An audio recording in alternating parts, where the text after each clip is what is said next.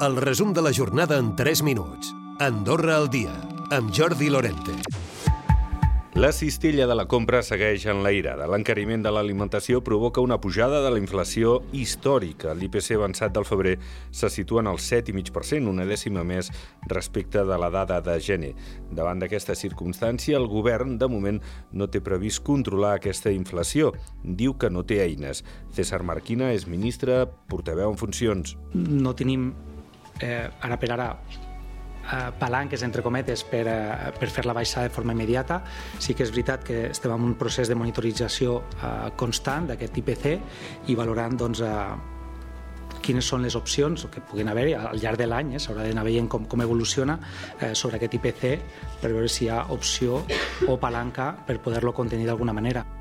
El sector de l'esport genera entre 210 i 230 milions de facturació anual i dona feina a 2.300 persones.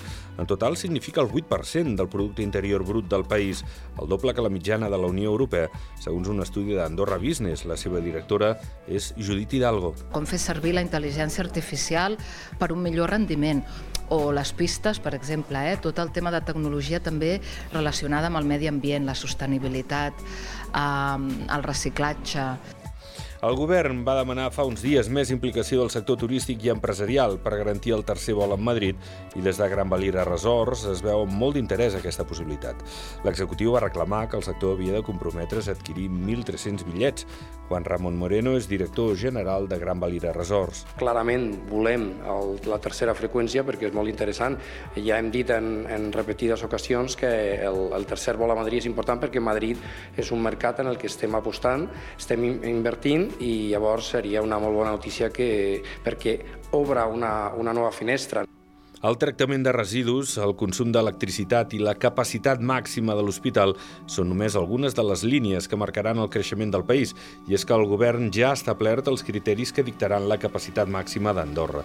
L'aigua jugarà un paper important. Si ve més gent, el consum creixerà i les depuradores s'hauran de dimensionar i l'hotel Mim Andorra, propietat de Leo Messi, obrirà el dia 15 d'aquest mes de març.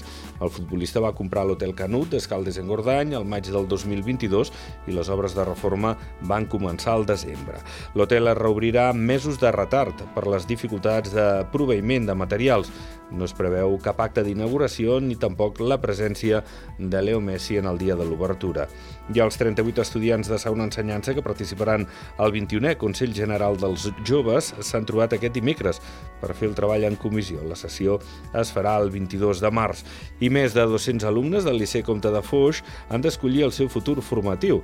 Es calcula que un 30% s'incorporaran a la secció professional del sistema. Per això, entre aquest dimecres i dijous fan una jornada de portes obertes. I avui, en l'àmbit de l'esport, un apunt per dir que Irineu Esteve ha estat setè a la prova del Campionat del Món d'Esquí Nòrdic a Planitxa, a Eslovènia. Ha estat el millor resultat mai aconseguit per Esteve en una competició internacional d'aquest nivell. Recupera el resum de la jornada cada dia a AndorraDifusió.d i a les plataformes de podcast.